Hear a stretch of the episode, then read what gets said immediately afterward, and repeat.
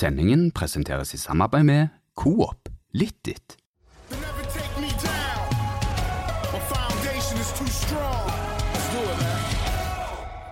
go. Da er det en glede å ønske velkommen til Studio A midt i høstferien. Eh, disse guttene har selvfølgelig ikke fri. Det vil si, en viss mannskapsendring er det i studio. Store høvding Stig Nilsen har inntatt hytteveggen og nyter noen feriedager, så jeg har fått en ny medprogramleder. Kristoffer Løkberg, det er en glede å ønske velkommen. Takk sjøl. Det er en gledelig å endelig få ta plassen til Stig. Jeg sa det før vi gikk på her, at uh, tidligere har det vært uh, Studio B. Endelig kan vi bruke Studio A med god samvittighet, for i dag er det A-lag. Og så er det jo gøy at andre også får litt taletid. Det er riktig, for vanligvis så kan jo egentlig Stig ha sin egen podkast. Uh, Såkalt sånn monologgast. Monolog, ja. Det er Stig veldig god på. Vi prøver i dag å ha dialog. Dette tror jeg blir veldig trivelig, og så er det jo også morsomt å se at overgangsvinduet så var det sånn at de høyest gasjerte stjernene de måtte vike, mens vi trofaste sliterne vi fikk bli, så det er, det er godt. Det er helt riktig. Sånn det skal være. Og så, og så blir det jo ikke så at det er som å hoppe etter Wirkola, dette her, eh, føler jeg. Nei, jeg har en ganske avslappa holdning til hvordan det skal gå. Ja. Det, det, går relativt fint å erstatte Stig Nilsen, det gjør det. Og så sitter en kar på andre siden av bordet som er dagens gjest, faktisk. Han er én måned gammel i sin nye jobb. Erik Bjørne, velkommen til deg òg. Tusen takk for det.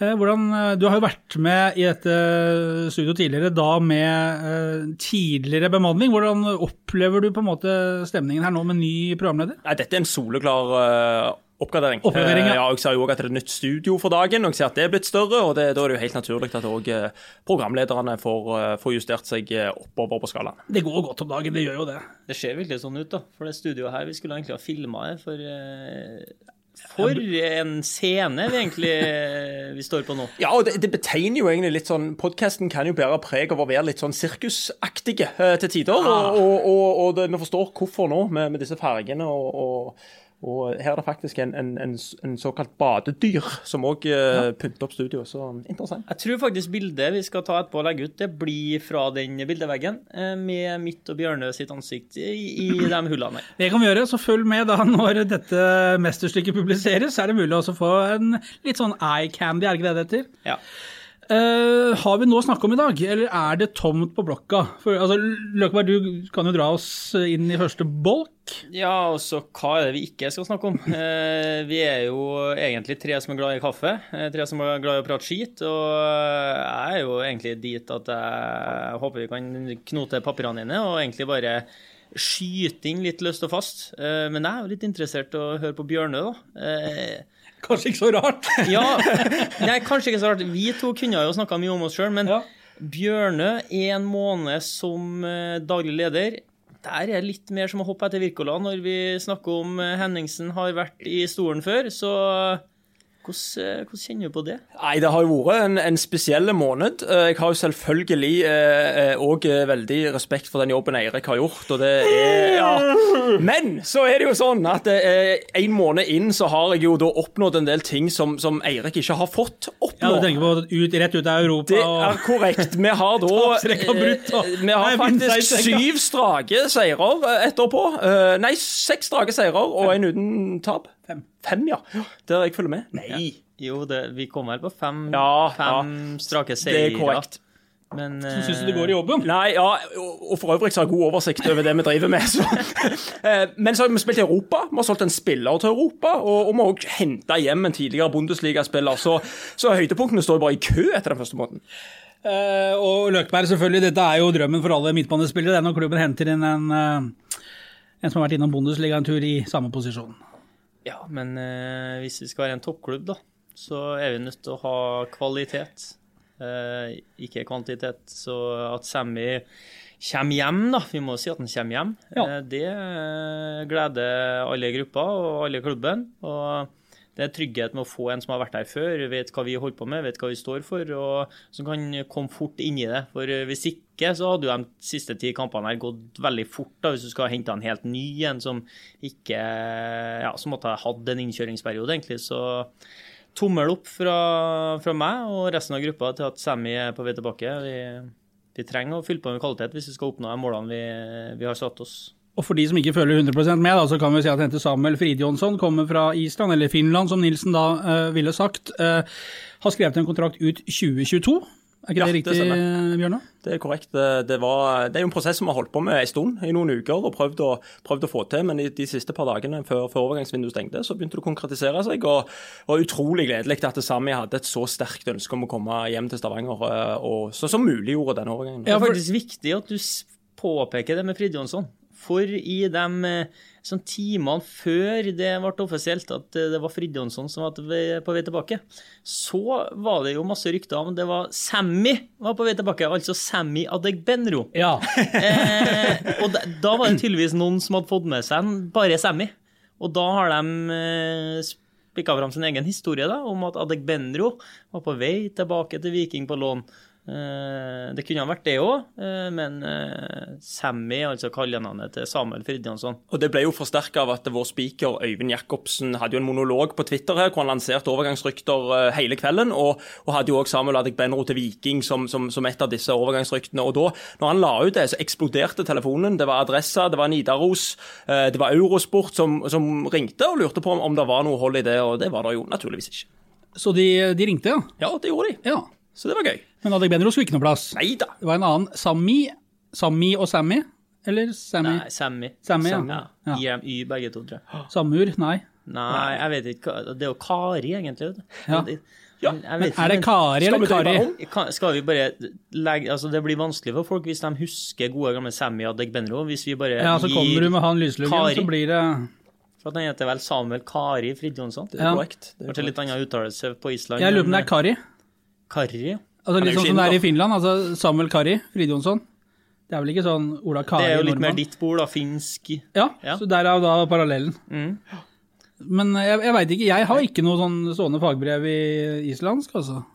Ikke ennå. Nei, men, det jeg- kommer Men det jeg lurer litt på, er om eh, Siden det kom såpass mange interessante telefoner etter et sånt rykte, eh, hva syns du om å være daglig leder, direktør, på deadline day for første gang? Det var veldig, det var veldig spesielt. Eh, Jeg hadde jo rigga meg til da. sant? Jeg hadde FM i bakgrunnen og var litt forberedt. OK, kommer det eh, bud på noen her, så kan jeg gå og søke de opp. Hva har de på pace, hva har de på avslutning og den typen ting. Så jeg var godt forberedt. Har du Og starta en save òg? Ja, jeg hadde starta en save ja, med Raufoss, sånn at, eh, sånn at Så du, måte du la lista på Raufoss? Stemmer det. Så alt som var godt nok for Raufoss, var da godt nok for Viking? Yes, og da tenkte jeg ok, her er det jo et, her er to alternativer. Enten så kan man jo da uh, ringe til, til, til styret i Viking Fotball AS og høre om det er greit om, om vi kjøper eller selger en spiller, eller så kan du bare klikke på å be uh, styret om tilbakemelding i FM, og da blir det da Raufoss sitt styre.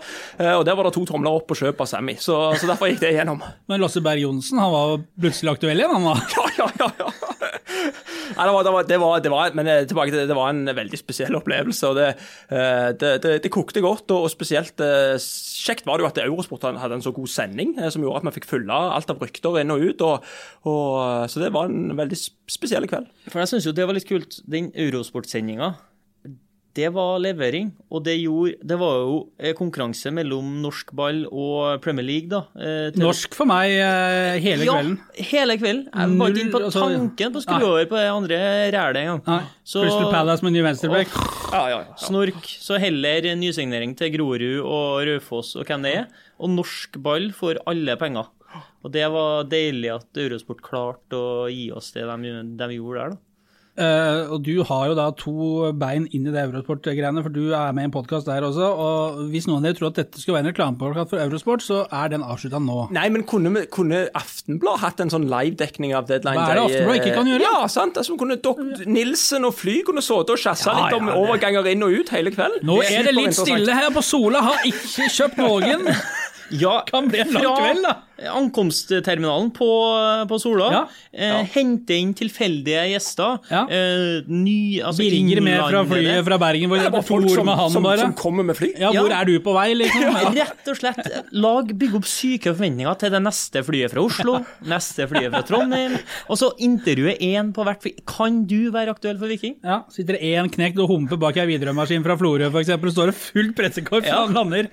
Ja, det kunne vært noe det. Her. På noe. Tatt det da i januarvinduet, det, da. Ja, så det tror jeg at det der, ja. I og med at vi fikk høre hvor mye det kokte rundt det ene ryktet, Ja, så tror jeg vi skal klare å snekre sammen litt mer Ja. neste gang. Anonyme, anonyme kontoer der. Jeg har tips eh, flere som har telefon til Bjørne og koker enda litt ekstra neste deadline. Eh, Men du har jo sånne AirPods og sånne, trådløse greier i øret, og det er fryktelig, er fryktelig mye å gjøre i den nye jobben. Eh, Er det sånn at du har endra telefonsvareren nå til at eh, ja, du har kommet til direktør Bjørnå i Viking Fotball AS, eller hvordan er det praktiske i disse små hverdagstingene? Nei, altså nå har jeg jo faktisk bare den der halvmånen på hele veien, så jeg bare avslår alle telefoner. Ja, men jeg det hadde forgjengeren din òg, Ja, han hadde det, ja. Ja. Jeg lærte det av han. så det er ikke noe nytt under solen her. Nei, det er ikke det. Nei da, det, det, det, det, det Så når de ringer og skal tilby spillere, så skjønner vi, så skjønner vi hvorfor det går som det går. Ja. Nei, det er ikke noen sånne, noen sånne store endringer i forhold til det, men jeg, jeg, det er faktisk litt, litt artig at du tar det opp, for i dag så ringte jeg både til 1881, til 180 og til Gule Sider, samt til Telia, eh, for å skjule nummeret mitt i nummeropplysningen etter mandagens trykk. Rystende info som kommer her nå. Tror du noe på det, eller er det bare, rett og slett bare sprøyt? Jeg er litt usikker. jeg. Ja, jeg er jo faktisk. Hva med den ene telefonen Ja. som kunne ha vært gulloddet fra den agenten til han nedi her eller der, Ja. som man faktisk eh, skal, skal lytte? Jeg så jo en sånn historie fra Vålerenga eh, på slutten av 90-tallet, der det var en agent som hadde ringt i, i siste sekund omtrent, og de klaska til med sign-on-fee og det ene og det andre. Tre og et halvt årskontrakt, og han endte opp med tolv minutter eh, Ja, ja, i, på tre og et halvt år. Var det han eh, som det var snakk om her, du henta på slutten av 90-tallet der, han eh, Det var en rød serber. Ja, ja, stemmer Det det. var en Streis Betalen som fortalte den Ja, ja. storyen, var det ikke det? Så det var ikke en måte på hvor god han skulle være. Men det er jo, det er jo kanskje den uh, historien du ikke ønsker, men det kan jo være Ja, gullet vi går glipp av. Så faktisk. Så har du råd til å ha skjult nummer hvis han ringer, liksom? Nei, men, men, men, men det, vi har jo hatt en sånn telefon. Vet ikke om dere eh, har hørt den eh, Bjar, telefonen Bjarne fikk for noen uker siden. Utrolig interessant. Det var en som ringte og lurte på Han trengte et tips fra Bjarne. For dette, Bjarne er jo god på dette med overganger og har vært det i en, i en årrekke. Ja, hva gjør jeg hvis, hvis jeg har en krysning mellom Zlatan Ibrahimovic og Erling Braut Haaland? Altså, jeg skal ikke selge han eller noe, men bare hva gjør jeg hvis jeg har en? Og Bjarne er jo sindig og, og res, respektfull i samtalen, så han sier ja, hvem er det da? Og da svarer jo mannen på andre sida av, eh, av røret, han svarer nei, det er sønnen min. Så det var en av disse beilerne som var ute og skulle selge inn sin egen sønn. eh, eh, Han gikk sånn halvlavt ut, da, syns jeg, han far der. ja. Det var ikke verre. En krysning av Zlatan og brød. Og så var det bare Hva gjør jeg? Altså, Fæle gener på mor og far der. Da. Altså, det, det, er jo, det det leder jo til flere spørsmål, men jeg lurer på om vi kan bare stoppe spørsmålet kanskje der. Men ja. Uh, ja, hva, Ja. videre. om Nei, altså, i, i samtalen. Nei, da var den jo slutt, da. Oh, ja, var slutt, da. Ja, Det var poenget. Du lo jo. Du lo jo av poenget. Jo, da var det et poeng, men jeg trodde liksom Bjarne svarte og ga råd, det, da. Ja. Bjarne må ha blitt litt paff etter han hørte at det Sannsynligvis, men han har fortalt denne historien, eh, Bjarne, og da ler han veldig veldig godt. eh, Så han syns jo dette var artig. Ja, jeg skjønner det. Ja, men det var fint. Takk for at du deler. Det er veldig hyggelig når folk kommer med sånne godbiter. Ja, det er nesten så vi skal ta en pause nå, men eh, jeg tror vi bare fortsetter.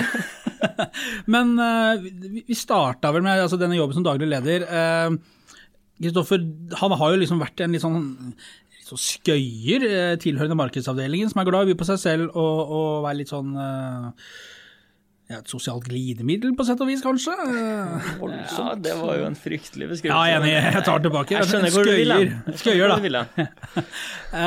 hvordan er det å forholde seg til han nå, når han plutselig er blitt direktør? Jeg tror jeg skal gå veldig fint. Nå er ikke jeg den som har vært der aller lengst, da, men som eh, med Bjørnø og resten av markedsavdelinga, så har vi i spillergruppa et eh, fint forhold. Eh, det er godt humør, det er god kjemi når vi, enten vi er oppe på kontoret eller dem er ned, ned til oss. Så eh, det føles helt naturlig, og jeg tror hele gjengen skal klare å forholde oss til Bjørnar på samme måte som vi gjorde Henningsen òg, for vi blir jo stort sett møtt med et smil. Og eh, først og fremst så er det jo prat om alt mulig annet enn fotball. Det er jo spørsmål om hvordan du har det, og hvordan det går med deg. Eh, Og så er det jo eventuelt om du har noe mer på hjertet, så får du jo spørre om det òg. Men eh, det, jo, det skal jo være litt som familien din da, når du er på stadion her så mange timer i løpet av eh, et år. Så først og fremst så eh, er jo eh, Eirik og Erik da, eh, opptatt av mennesker. og da er ikke forskjell det hvilken rolle du har, mener jeg. da, i hvert fall eh, Hvis det er den takhøyden og sånn som jeg har opplevd eh, vært eh, i, i Viking. da. Men er det litt viktig at du ikke plutselig blir en helt annen fyr og blir dødscocky og ikke vil snakke med folk som holder til i første etasje og sånn, for du sitter i etasjen over selv og ikke hilser på parkeringsplassen Kjartan sa jo det, eh, at eh, han må jo si sir nå til Bjørne. Så Kjartan kjenner jo litt på den overgangen i starten her nå, at eh, nå, nå er det til hierarki som har et tydelig skille annet enn det var tidligere. Så, men det er jo over han, da. Det er jo vel fortjent, men ellers så føler jeg at resten, vi, vi har den samme, samme Ja. avstanden i forholdet.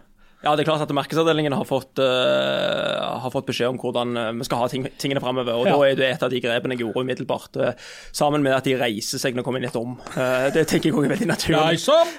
Neida, men, men, eh, men for å svare litt seriøst på det, så, så er det jo viktig for meg å finne min egen stil. Det, det er viktig å få klare å være meg sjøl. Ja, jeg skal øve en, eller er over i en ny rolle. Ja, Du har jo bytta kontor, så du er jo fysisk ute av det gamle miljøet. Ja, Altså- stemmer det. Og, det. og det er noe med det der å, å tørre å ta et steg ut av det òg, og, og, og opptre på en litt annen måte i noen settinger. Men samtidig så er det utrolig viktig for meg å, å kunne få være meg sjøl, og kunne få, få være den Eirik som, som ble ansatt. Eh, for det mister du det, og, og, og tar et steg ut og blir høy og mørk, så tror jeg du mister respekten. Du mister respekten blant folk. Og jeg tror vi, tror vi, vi er på gang med noe i Viking, med å bygge klubben innenfra. Og det, og det er vi nødt til å fortsette med hvis vi skal ha en videre utvikling. Og, den, den relasjonen med spillerne, og det at man kan man kan slå av en kommentar og to og tre uten at det på en måte blir oppfatta som om «Å, nå sa sjefen det til meg.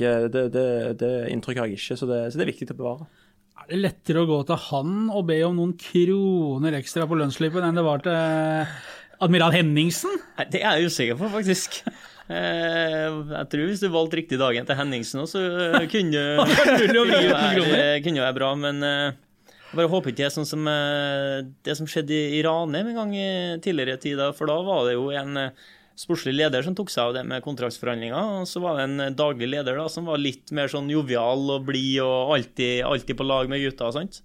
Så vår superspiss, da, Robert Stene, han jobba jo knallhardt da med sportslig leder om å få, få seg det han ville ha i, i kontrakten. Og nei, det var hardt mot hardt. Det er uaktuelt. Jeg står på mitt tilbud.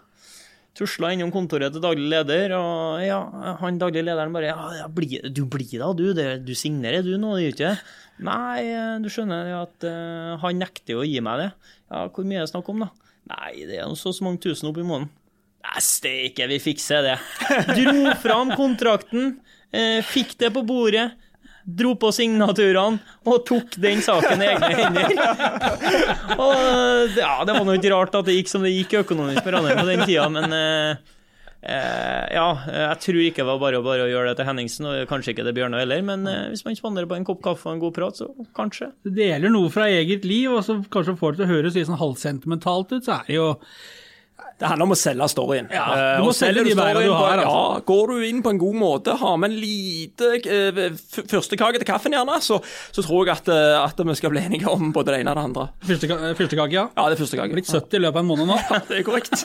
Fryktelig kake. Fryktelig bakverk. Ja, det er helt Må ikke røres, altså. Altså, vi har med kake de forskjellige bursdagene. Ja. Altså, Hvis en har kommet inn med fyrstekake Nesten sparken. Jeg tror altså. folk har snudd og gått, det. Ja. Ja, det Har du opplevd en førstekake som ikke er tørr? Nei. Nei. men det er jo liksom ligger i det fyrstekakens natur at den skal være sånn knusktørr. Skal helst ryke noen jeksler og noe sånne for folk som er litt oppi åra og har litt sånn eh, Så får du litt smuler i kaffen. Ja, det er smuler overalt. Ja. Ja, Det er liksom Frank Lidahl-kake. Han går under at du skal være Du skal hele tida ha en holdning om at du er blakk og forbanna. Og det var liksom fyrstekaka var det eneste du klarte å karte deg på butikken, for resten hadde ikke råd til. Det er fyrstekake. Så kanskje, kanskje det som bygger den kulturen vi har, da, at du, du, spanderer ikke på deg mer enn en fyrstekake. Nei. Det skal noe stort, det skal være grønn sone før vi bestiller Ja, andre. ja, ja, ja, vi skal være en del av folket, og vi skal Ja, så fyrstekake, da. Helt korrekt. Altså, sånn, eh, jeg husker når jeg vokste opp, så var det noe som het tebrød. Når mutter og fatter hadde besøk. Tebrød, altså noe sånn der, litt sånn rar form på Så egentlig bare ut som sånn ingenting. Og smakte heller ingenting. Det er også sånn føler jeg er i samme kategori. Tebrød var det noe som het. Kan vi søke opp det? og- Ja, men det, det, du, du drar med noe av eh, holdninger og verdier hvis du Ja da. spiser fyrstekake eller tebrød. Ja, så det ikke blir liksom at hver dag er ikke marsipan og Nei. Du må spise knepbrød, ikke bare loff og smør. Er helt riktig. Og så er det viktig at vi fortsetter å koke kaffen to ganger, altså gruten. Vi ikke tar, altså, Ja. Ja, Det er viktig at vi viderefører. Ja, ja, dopapir på begge sider. Ja. Altså, nå, kan, nå kan vi holde på lenge her. Her er det mye. Men eh, ja. Jeg, blar om og ser om det er noe annet spennende. Nei, det var ikke noe mer. Jo, eh, apropos dette overgangsvinduet, som vi egentlig ikke har snakka noen ting om for det. Eh, Løk, du har jo bytta klubb eh, et par ganger. Eh, og i fjor sommer, i overgangsvinduet da, så Det var riktignok ikke på siste dag, men det gikk fra Brann til Viking. Eh, kan ikke du si litt om hvordan er dette når det kommer liksom et tilbud, og når du blir kjent med interessen om å bestemme deg litt kjapt osv.? Ja, eh, det kan jo noen gang ta litt tid. Eh, Andre gang kan det gå veldig fort. Eh, Du får høre om interessen, eh, gjerne før det er lagt ned et bud òg. Agenter og sånn er jo såpass eh, slu at eh, det går jo via via. og mange klubber hører gjerne om er det noe vits å legge inn et bud, sant? For jeg orker ikke å bruke tida si på det hvis eh, det bare blir nei, glem det likevel. Um, og så eh, materialiserer det seg at det kommer et konkret bud, og da, da må du jo få vite om det. Som spiller så har du krav på å få vite om det, uansett hvor dårlig eller godt det er. da. Uh, selv om Soltvedt valgte å ikke fortelle Komson om, eh, om de første skambudene. Skulle ikke vite det. Nei. Eh, Men da må du få vite om det, og så blir du jo fortalt da gjerne om det her er godtatt, om det er forhandlingsbart, eller hvor, hvor klubben står igjen i forhold til om du skal dra eller ikke. da. Ja, for klubben forteller deg hva deres holdning til det budet er, da. Ja, ja, og det gir jo deg et lite signal som spiller ofte da, om eh, klubben er interessert i å akseptere et bud på så og så mye, så gir det en viss verdi og en viss pekepinn på hvor du, hvor du ligger an hen. Eh, og så fra der da, så er det jo eh, Si at det blir et akseptert da, så er det jo opp til deg sjøl å bli enig om de personlige betingelsene. Eh, også bestemme deg for om du har lyst til å bytte klubb. og eh, så er det jo det som er litt merkelig, at det, det kan jo ta lang tid. Bli enige om ting med klubben. Eh, Det kan være små ting, det kan være store ting. eh, Kontraktsmessige eller familiære. Det er jo mye som skal, skal stemme. Men fra det øyeblikket du sier ja, og det er go, så går det fort. Uh, Og det er jo sånn som til meg Fryktelig fort. Fryktelig fort. Da er det liksom, om det er et ledig fly om en time, så er det bare å komme seg på. Uh, og for min del i fjor, da, så var det det der at jeg kom jo eh, Tror det var mandagsmorgen klokka ti. Eh, og hadde ei trening, om det ikke var tirsdag òg. Og det, var kamp onsdag. Det er riktig, det. Eh, Jeg tror kanskje det var tirsdag at jeg kom, og det var kamp onsdag. Jeg fikk med meg ei trening på 40 minutter, en firkant og sånn, Ja. og rett inn fra start, da. Eh, Var ikke lenger vei. Ja, Nei, og, og det Han var helt var, han var sikkert god. ja, det- det var jo helt eh, absurd, egentlig. Eh, for det føltes litt som å være på gode gamle sånne kretslagssamlinger. At du ble kjørt oppover en gjeng til Steinkjer, og så spiste du i kantina, og så var det kamp eh, etterpå bare for å se hvordan folk ligger an. da. Eh, og da var det jo spill med folk du ikke kjente i hele tatt, knapt nok kjente navnene til. Eh, Så det var jo litt merkelig i starten, og det kom jo kamper smakk, smakk, smakk òg. Så um, akkurat den greia var litt spesiell. At noen er det jo litt lengre tid til neste kamp, andre bruker jo kanskje lengre tid på å komme seg inn i laget osv. Men eh, ja, det, det med overganger det er veldig komplisert, egentlig. Eh, Det er mye som skal på plass, både mellom klubber og for spillere. Og så er det lett å sitte utenfra. Altså, eh, hvorfor selger de han, eller hvorfor kjøper de han, eller hvorfor vil ikke han dit når de er interessert, og sånne ting. Eh, Så ja, det hadde jo vært artig om alle kunne ha fortalt sin story og sin bakgrunn, og klubbene kunne ha vært åpne og ærlige og sånn, men eh, det er man jo Så langt har man ikke kommet i åpenhet, eh, åpenheten ennå. Men, men, men når du For dette- Fridtjonsson var jo på en måte den første spilleren Viking henta på ditt skift, eh, for å kalle det det. Ja. Eh, hvordan var det å sitte i en eh, overgang eh, som daglig leder? Nei, det, det, var jo eh, en, en spesiell opplevelse, og en opplevelse som jeg kommer til å huske ganske lenge. Eh, nå har jeg jo fått vært med å få solgt en spiller òg til utlandet, eh, i Adrian Pereira, og, og fikk være med som eh, Da hadde jeg òg tredd inn som, som daglig leder. Og det er, jo, det er jo et spill, dette, hele veien. Det er et spill mellom klubb og spiller, klubb og klubb, klubb og agent.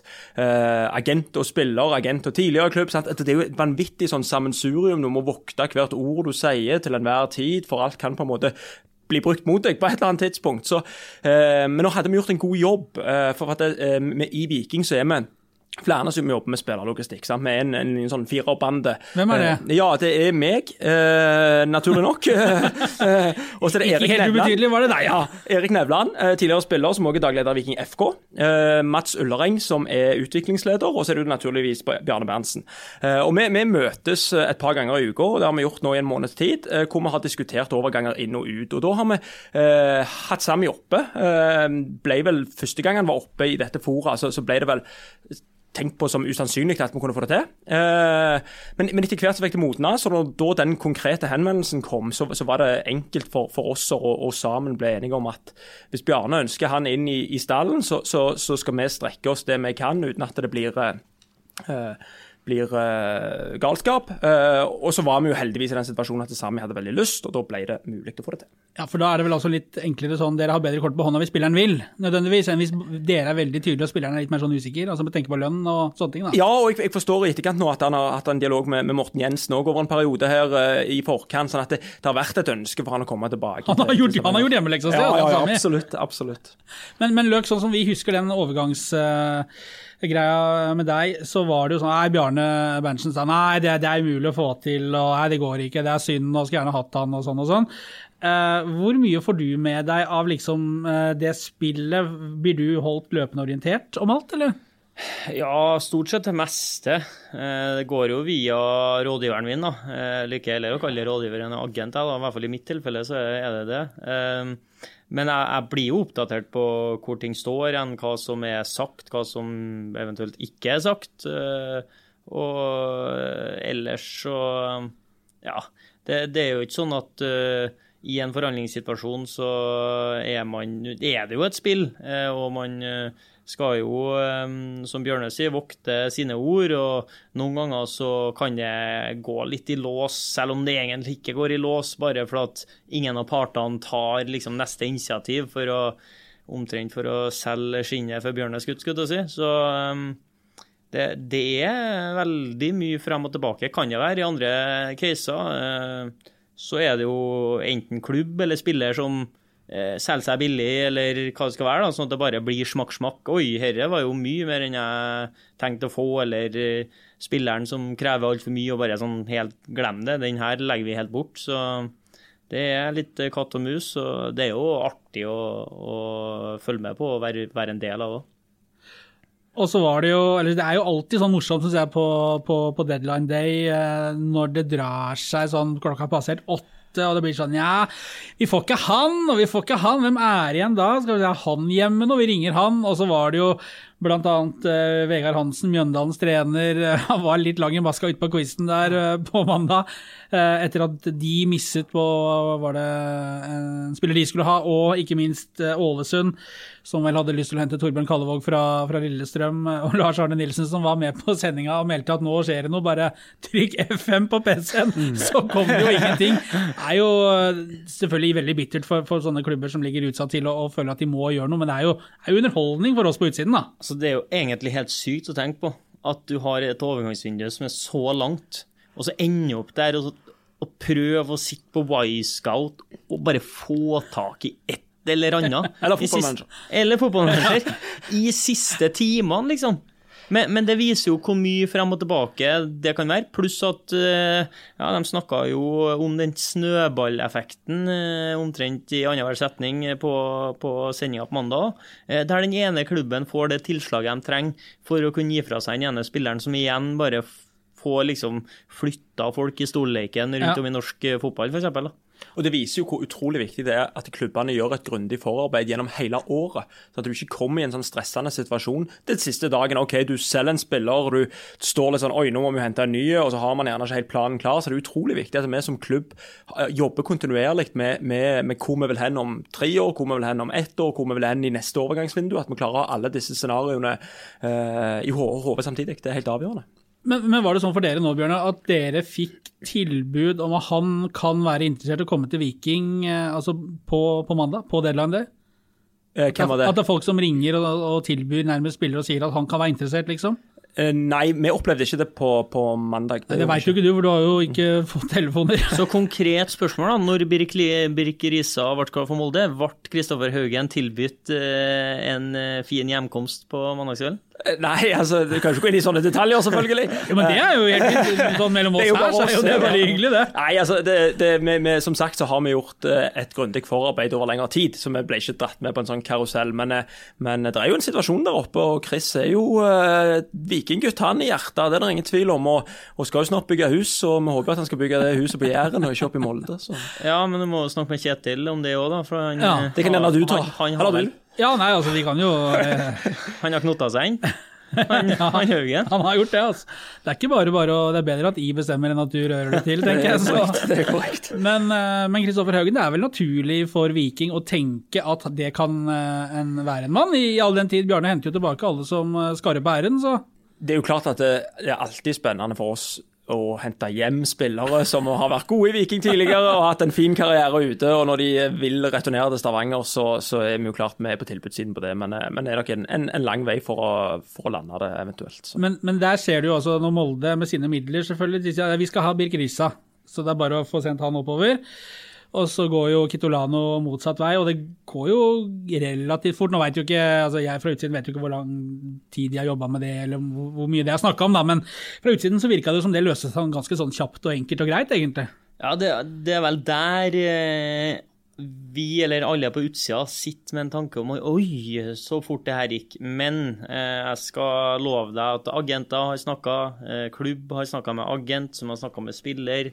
Og det med det er at eh, det er avklart på en måte at hvis vi får godkjent godkjent et bud, så er du keen på å komme hit. Eh, For det er klart at eh, det er ingen klubber som sitter på deadline day og jobber med en spiller og ender opp med at han sier hva er det dere driver med, jeg skal nå bare dit. Så, så der blir vi der, Jeg skal garantere deg at det foregår et kontinuerlig spill gjennom hele året, bare med å kartlegge og, og sånne små forespørsler bak ryggen på både klubber og det meste. Så folk er oppdatert. Men jeg tror, nok, jeg tror nok grunnen til at det, at det alltid kommer opp en sånn bølge med signeringer den siste dagen, er jo fordi at alle spiller dette spillet. Sånn Man skal tyne det så langt som mulig. Man skal få mer ut av kronene, eller man skal få mer til seg sjøl. Og til slutt så, så er det ingen som vil ta noen avgjørelse, og så kommer det til et punkt hvor man bare må. Eh, og Sånn var det jo litt for oss òg. Vi, vi, vi hadde jo et håp gjennom hele helga at dette kom til å gå i orden, men den der siste bekreftelsen kommer jo ikke før klokka seks på, på mandag. liksom. Ja, Det er jo typisk det. En skal jo vente selvfølgelig lengst mulig. Skal ikke, ha, Absolutt. få, skal ikke få det i orden. Nei. Men eh, ja, spillet det er, jo, det, er jo, det er jo superinteressant og gøy underholdning for oss på utsiden. Og hvis vi altså, drar paralleller til de store europeiske ligaene, bl.a. Premier League, hvor det er spinnville summer, og det er jo nesten helt latterlig egentlig hvordan de holder på. Men eh, så ser du så for- eksempel Solskjær og United, da, som eh, sikkert føler at de må gjøre noe. Henter en, en eh, kontraktsløs Edinson Cavani på 33 år som ikke har spilt fotball på flere måneder. Disse desperate kjøpene som kommer, det er jo veldig morsomt å sitte og følge med på. At nå, ah, nå er de desperate nedi der, og se dem nå.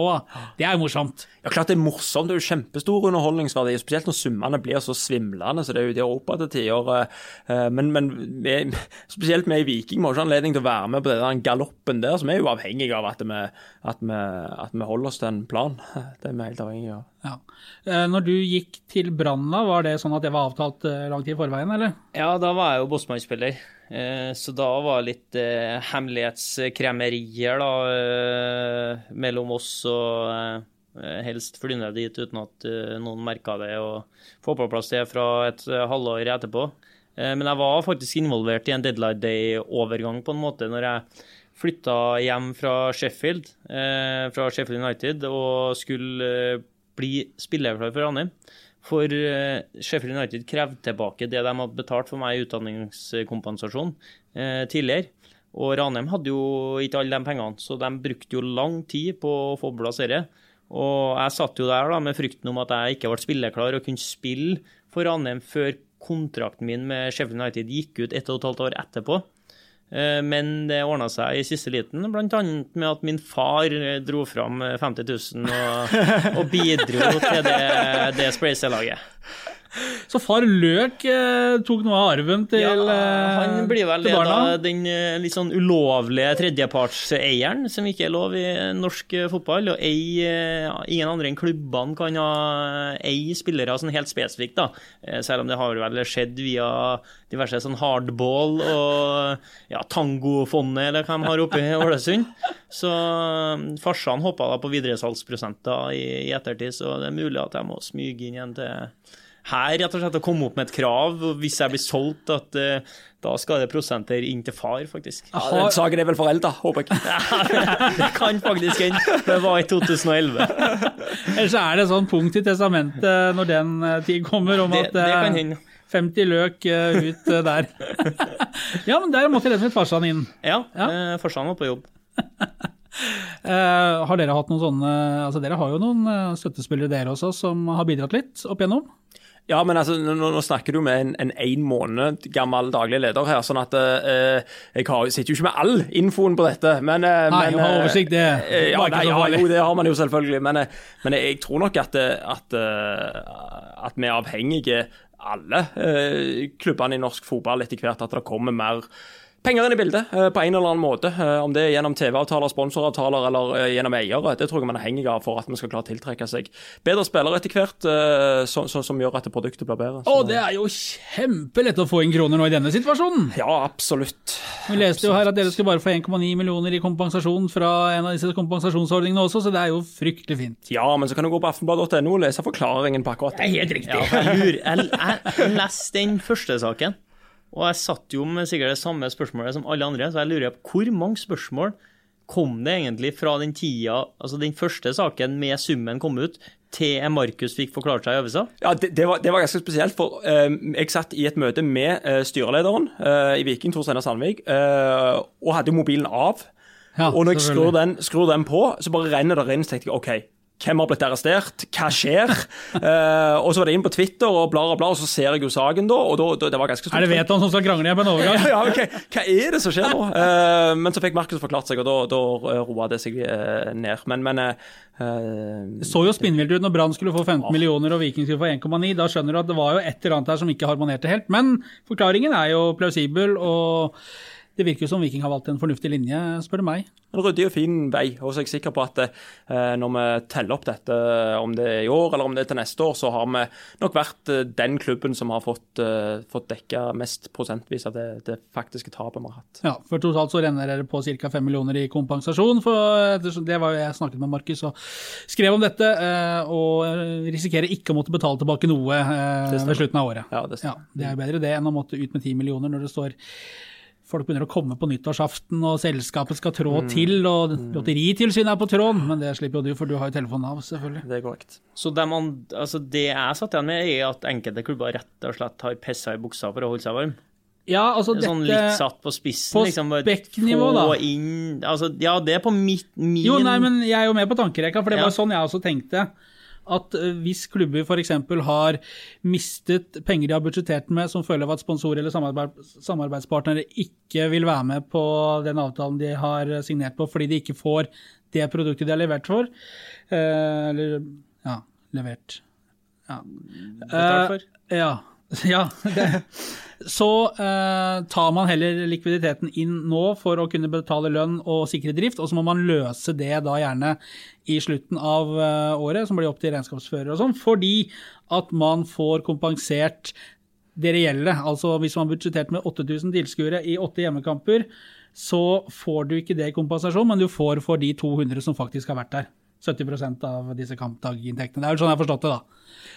Så hvis du da har eh, budsjettert med og bedt om og fått for eh, 8000 på åtte hjemmekamper, så er det veldig stor forskjell mellom det du har budsjettert med og det som faktisk har vært, da. Ja. Ja, for jeg venta egentlig bare på at Brann lå toppen av den lista, så klaska til med en sånn sjumillionersmann på deadline. Ja, den har vært frekk. Sponset av Abid Raja. Liksom personlig sponsor. Så Raja på ryggen. Ja, det, den, ja, men den har vært fin, faktisk. Og så hadde de bare så, måtte håpe at draktsalget var såpass at uh, det gikk opp i opp til slutt. Jeg er usikker på om Sander Svendsen uh, kan uh, alene sørge for draktsalg i disse summer. Nei, jeg vet ikke om jeg er klar ennå. Det var jo litt, det var jo- et surr, det òg. Ja, det er jo sånn morsomt. Plutselig så står det dagen etter, og nei, det kunne fint gå i orden. Det var ikke noe problem. Nei, det er deilig. Løk, du sitter her med én hånd på bordet og den andre under bordet. Det høres kanskje brutalt ut, men du har skinne på Ja. den ene hånda. Det har vi ikke fått snakka om, men det må vi gjøre. Du er skada, men åssen går det med deg? Det går jo egentlig fint. Eh, Det begynner å bli litt mer bevegelig- bevegelighet i den. Eh, Hver dag så får jeg trent godt. Eh, Alt annet enn eh, kontaktidrett. Så jeg springer nå opp og ned langs sidelinja her med, med Halvard og ja, blir piska på det fysiske. Så sånn sett så er det en eh, behagelig skade å ha, for jeg får eh, Når eh, jeg da på mandag eh, er i gang igjen eh, For på fredag skal jeg fjerne en pinne i fingeren og få ei aktivitetsskinne. Eh, Ja. Så da er jeg klar til Da er jeg all in. Eh, Og det er litt deilig. Ja. Når jeg er først er all in, så trenger ikke jeg ta det gradvis med tanke på fysiske, men Nei. eh, da er jeg good to go, liksom. Ja. Mens andre skader, så er det jo gjerne sånn at du må du kan være med 30 minutter på mandag, du kan være med 40 minutter på tirsdag, og kanskje på torsdag så er du klar til litt spill. Eh, Men sånn sett så, så er, det, er det en grei skade. Men jeg syns det er litt flaut å se nagel i øynene på, på kontoret. Eh, og- Nytt medlem i markedsavdelingen, tidligere ishockeyspiller Lars Peder Nager, bare sånn for å plassere han. Ja, ja, riktig. Eh, og tenk at jeg ikke spiller fotballkamper med en brekt finger, eh, fordi at hodet mitt, noe i bakhodet mitt sier at han ikke har gått av isen for så fryktelig mange smeller opp igjennom. Så, så det, jeg, jeg skremte den faktisk i morges. Da, da fikk jeg litt godfølelse, for at jeg kom tidlig på gymmen. Eh, Nagel da hadde åpna bare døra på bilen, men satt og tukla med et eller annet, så jeg kjørte bare en liten bø inn der, og han skvatt som ei lita jente. Og da fikk jeg vanvittig god samvittighet, for han er ikke tøff likevel. Så, så da, fikk, da mista jeg den dårlige samvittigheten. Men eh, knokke finger, det kan faktisk være litt verre enn det det høres ut som. Altså. Det, var, det var fare for at eh, fingerens funksjon ikke ble eh, som den skulle igjen. Venstre ringefinger den er jo fryktelig sentral i håndarbeidet. Eh, nei, den er jo ikke hele, vet du. Så jeg, altså, når det sto på som verst, tankene føyk som verst Det var to dager før Aberdeen det her skjedde. Og jeg har jo ikke akkurat beltet fullt av e-cupkamper. Eh, da, da var det jo sånn at jeg for hjem, eh, la meg på sofaen, hadde ingen planer om å dra på sykehuset. For kommer du på sykehuset, så kan du få den beskjeden om at her må vi gjøre noe. Men hvis du ikke drar på sykehuset, så er det jo ingen som sier at her er det så ille som det er. Eh, Så mi, i mitt hode var jo bare å teipe og komme seg gjennom med smertestillende og så ta det på fredagen. Eh, Men eh, jeg vil jo egentlig si heldigvis da var Halvard litt mer fornuftig enn meg. Jeg sendte meg på sykehuset og fikk eh, da bekrefta at det bruddet var litt mer komplisert og verre enn det, vi, det som vanligvis er. Da, da ble det en operasjon. Men du skal fjerne en pinne? Ja. det hørtes ubehagelig ut. Ja. Altså, jeg har en skrue og en pinne inni fingeren. Eh, opererte inn, lå der et eh, par timer. Det var veldig merkelig, for at jeg lå bare med lokalbedøvelse, så jeg er våken. Og Det hadde jeg ikke takla, tror jeg. Nei, for at den lyden, blant annet den zzz, og de eh, meldingene som lyd som følger, da. Oi! Nei, den må ut igjen, ja. Eh, Når du ligger der våken. Og den der Nei. Hm, Herre var rart. Har du vært borti det før, du? Nei. Hent han vaktmesteren. Han Ja. altså. Altså, Ivar Alstad sitter inne på operasjonsstua. det. Så det, det var en veldig spesiell opplevelse, men jeg tror nå i hvert fall at de var dyktige. Så den pinnen, den skal ut igjen. Altså, jeg, jeg var jo Det var jo en, enda en opplevelse rundt den fingeren. For jeg var jo på kamp, og smertene har begynt å gå bort. Jeg var kikka eh, kampen mot Godset nå, og så er det en opp der, da. Jeg tror faktisk det var faren til Iven Austbø som også har knukket en finger opp igjennom. Og det er fryktelig vondt å ta ut den pinnen sin til meg. ja, takk for den, du. Akkurat kommet over liksom det verste, og begynner å grue meg til fredagen, da, når Ja. de tydeligvis da bare skal trekke ut den pinnen. Det høres helt jeskelig ut. Vi kan gjerne bevege oss videre fra dette temaet. Jeg Ja, kjenner at det, jo Ja, men det, det er litt godt for meg å få oppklart dette her nå, for Ja. at det, det jeg har faktisk vært litt flau over det å stå over fotballkamper med knokkefinger. Men, eh, så, så det har jeg ikke gjort med lett hjerte. Men guttene har spilt eh, godt. Vi har tatt sju poeng på de tre kampene. Vi røyka i Europa. Det, det hadde nok eh, fort skjedd uansett. Og ja, vært veldig, det har vært en fornøyelse enkelte av kampene å se på, faktisk. Apropos disse, hvor mange kamper var det Viking hadde vunnet på rad, mente du? Nei, det var jo Jeg mente jo at det var syv, Ja. men eh, det er jo fem. Ja. Og så har vi jo spilt en uavgjort. Uh, Ubeseira på åtte. Det var det, det var det jeg mente, men det kom Ja, litt feil ut. feil, så det var flott at du tok det opp på en sånn rolig, kontrollert måte. Ja, ja, ja, men det er, sånn er jeg. Ja. Sånn er jeg som person. Bygger hverandre opp. Helt riktig. Uh, den, den formen Viking har hatt, uh, er det Bjørnø-effekten, eller hva er det for noe som har skjedd? Nei, det, det skal jeg ikke påberope meg at det er noen som helst form for Bjørnø-effekt. Eh, men det er jo imponerende. Eh, det syns jeg virkelig fra, fra, fra en som har, fulgt klubben eh, veldig tett de siste tre-fire årene, og ser hvilken mentalitet som, som er skapt i spillergruppa.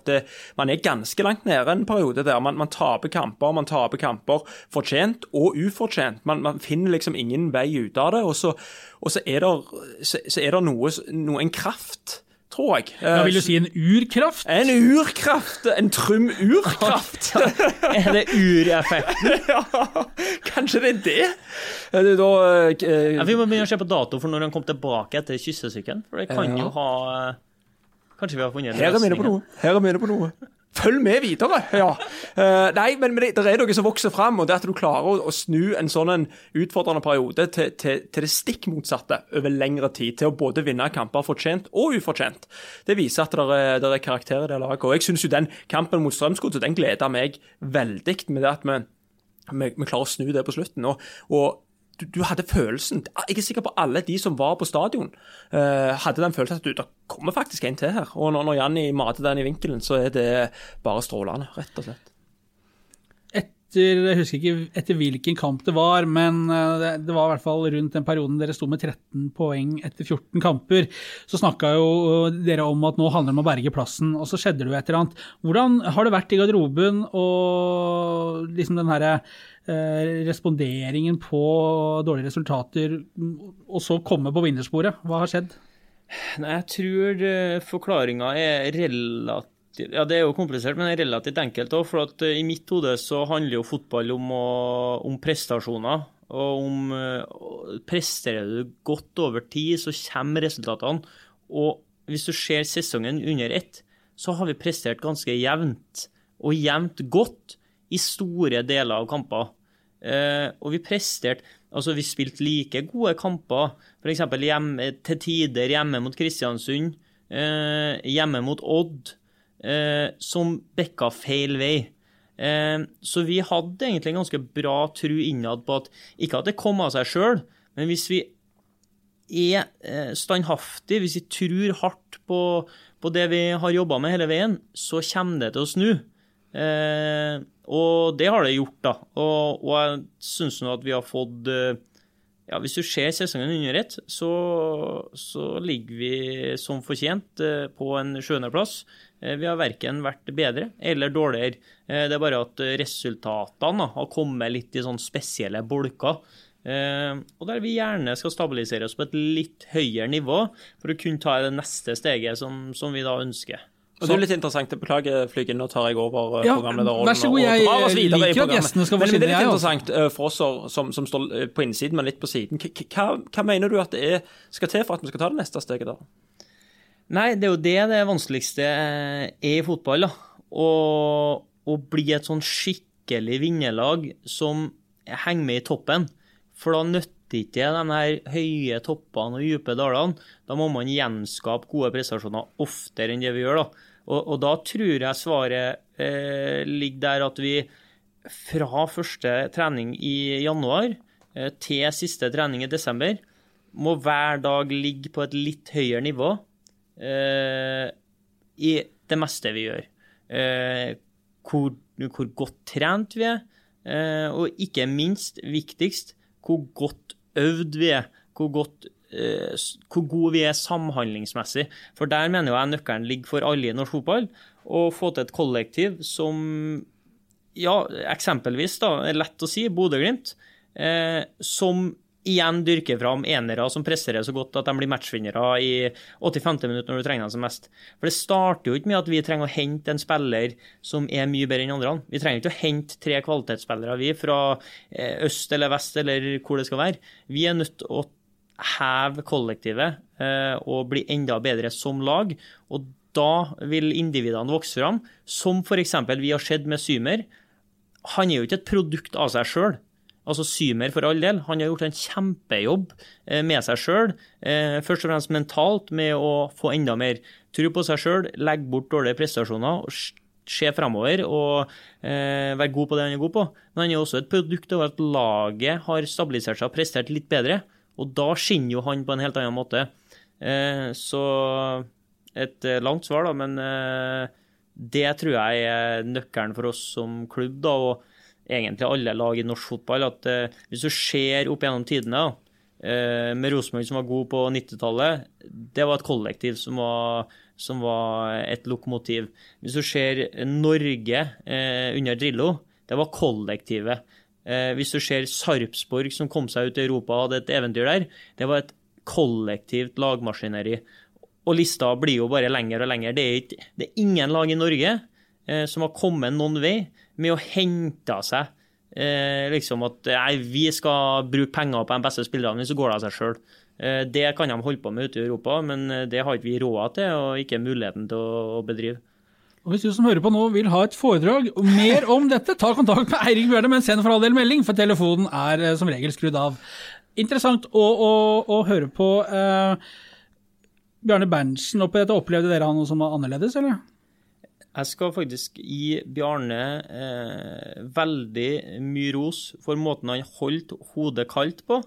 Eh, han stressa ikke med eh, det ene eller andre, og han var Altså, når du har holdt på så lenge eh, og opplevd såpass mye suksess også som han opp igjennom, så kan du jo bli veldig sta, eh, veldig bestemt på at sånn gjør vi, sånn skal vi gjøre, jeg hører ikke på deg, jeg hører ikke på deg. Eh, men vi i kapteinsteamet vi ble involvert. Eh, vi hadde rolige møter der vi snakka sammen, og ikke, vi snakka ikke om hverandre, vi snakka til hverandre. Vi var konstruktiv i våre tilbakemeldinger til trenerteam. Han var konstruktiv til oss, hva han forventa mer av oss. og vi fant egentlig veien videre sammen. Og sammen fant vi egentlig ut av at vi skal jo ikke gjøre så mye hokus pokus. Eh, vi må justere på noen småting, men for all del, hold hodet kaldt og ikke begynne å tenke at eh, vi må. For den dagen du begynner å tenke at vi må noe i fotball, da går det som regel galt. Du vil og du kan, eh, men du må ha trua på noe. Det, er jo Bjarne som er arbeidsleder, da. Og det er jo det han gjør og sier som blir fort uh, førende for hvordan resten av gruppa agerer. Så hvis han har blitt stressa, så hadde vi blitt stressa. Men han, han holdt hodet kaldt og løste den perioden på en veldig god måte. Og det snudde jo borte mot uh, Strømsgodset, og på tribunen i Drammen, der satt Eirik Bjørne og styreleder to Steinar Sandvik. Med spissede Eh, kniver. Nei, nei overhodet ikke. Vi har jo vært med på en del bortekamper, og det kommer til å fortsette å være. Det viktigste viktig for ja. oss å, å, være en del av gjengen. Så, så det var ingen uh, skarpe kniver uh, med på den turen. Nei da, det kan du bare si, men nei.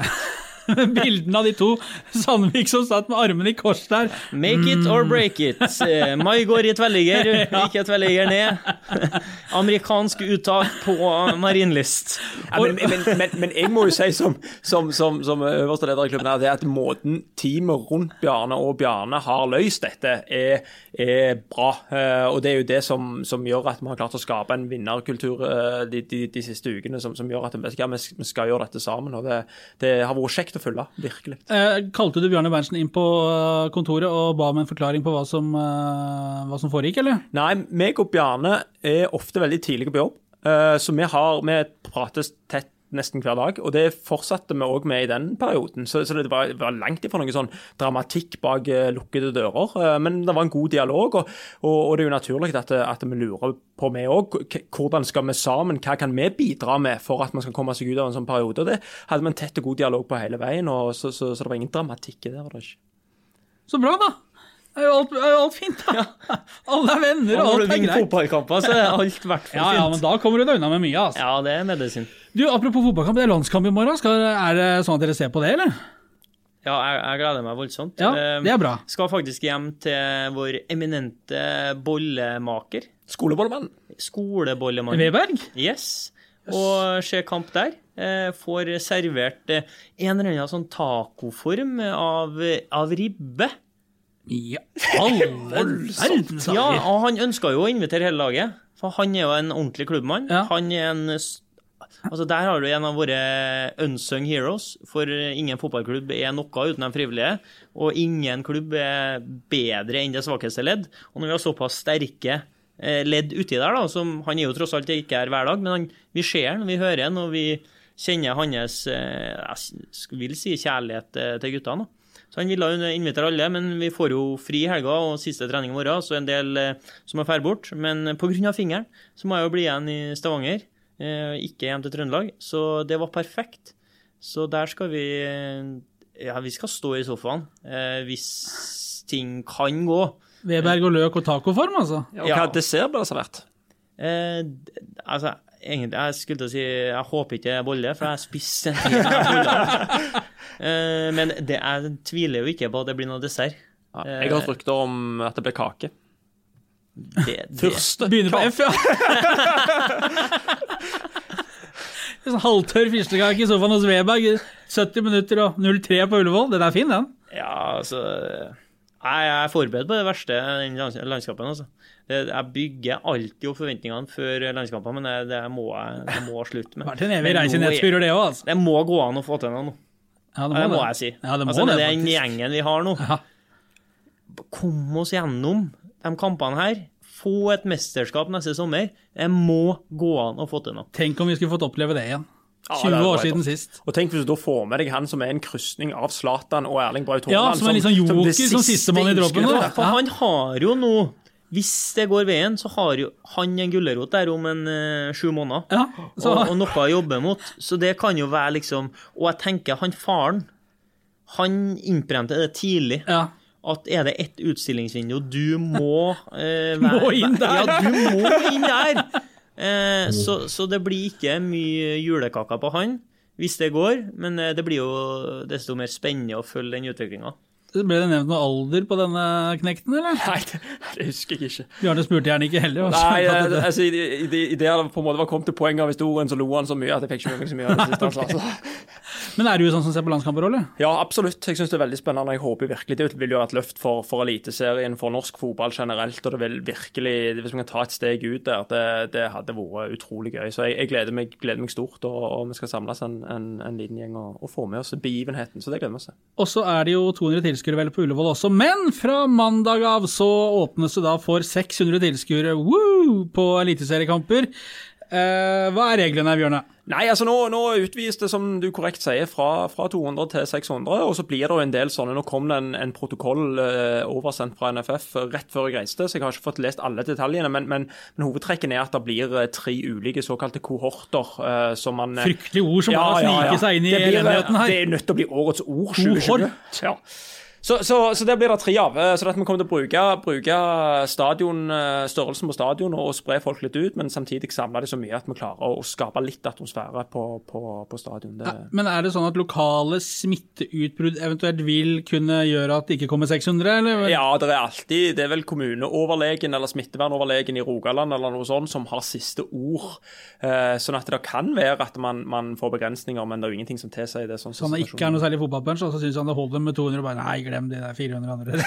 De får se på fjernsyn. Nei, men Dette blir jo et løft. altså det er klart at Du, du, du får vesentlig flere inn, og, og det er jo en gjeng i arrangementsstaben òg. Sånn at man, man, man vil jo oppleve at det er oppimot, eh, oppimot 800 inne på arenaen. og Da begynner det å, å, å, å smake litt. Så, så det gleder vi oss til.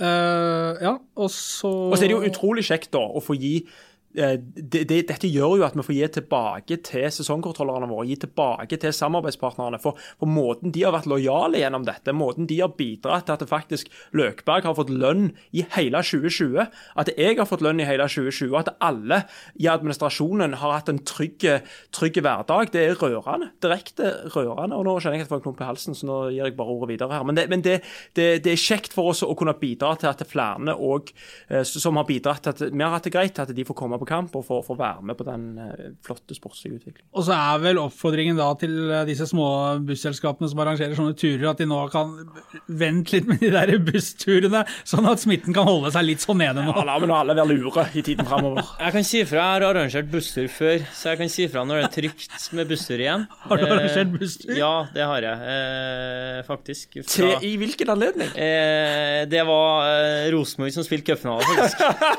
eh, så fra Lerkendal Løks buss! Ja, ja, ja, det er helt så, så, så fra Lerkendal til Oslo, rett og slett. Eh, ja, det er lang historie. Kort så streika bussen på Alvdal, og vi kjørte, vi kjørte i tredjegir fra Alvdal til Elverum.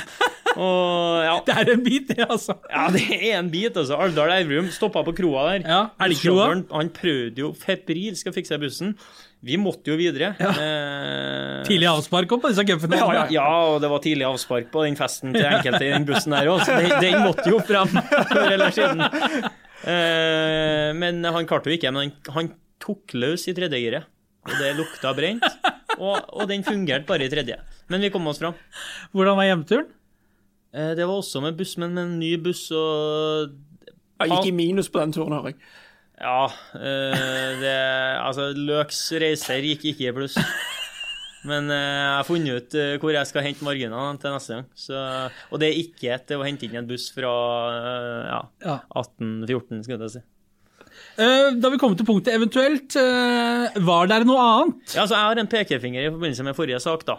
Ja. At vi fremstiller jo som en gladnyhet her nå at det er 600 tilskuere. Men på Ekstra Arena så er det jo en gladnyhet at det er 600 tilskuere. For på Ekstra Arena, altså eh, min Ranheim. gamle hjemmebane, så kommer det 600 på en, eh, på en gjennomsnittlig Obos-kamp eh, til tider, da. Forhåpentligvis litt mer nå. Men der ser det jo fullt ut. Og der er det relativt fullt. Men her, på SR Bank Arena, 600 det er jo fortsatt latterlig lavt. Altså det, jeg garanterer at de klubbene med størst eh, stadioner, eh, størst stab, eh, frivillighet til å håndtere det med smittevern på best mulig måte, de klarer jo tigangen nesten. Så takk for liksom det lille ekstra, men kom dere på jobb til neste sesong, da, minst. For at vi skal vel ikke forvente noe annet enn vaksine fra Russland før den tid, og den, eh, den skal ikke jeg ha, i hvert fall. Tenkte jeg, meg til. det- Tenk det, da blir det livets glade. Altså, Få en liten en i armen der, og rett opp i fargegaten. Nei. Ja, nei, det får vi ta. Nå, skal, nå tror jeg vi skrur av. Nå, nå nå får det være bra. Ja, ikke noe mer da. Nei, ikke noe spesielt. Nei. Eh, Hvordan syns du han klarte seg? Eh, jeg syns dette bør, bør Nilsen vurdere, bør vurdere sin stilling i denne podkasten. Oi, oi, oi. Det var klart tale. Fornøyd selv òg? Ja, jeg støtter opp under det Bjørne sa, faktisk. Tre sekunder, det. Ha det.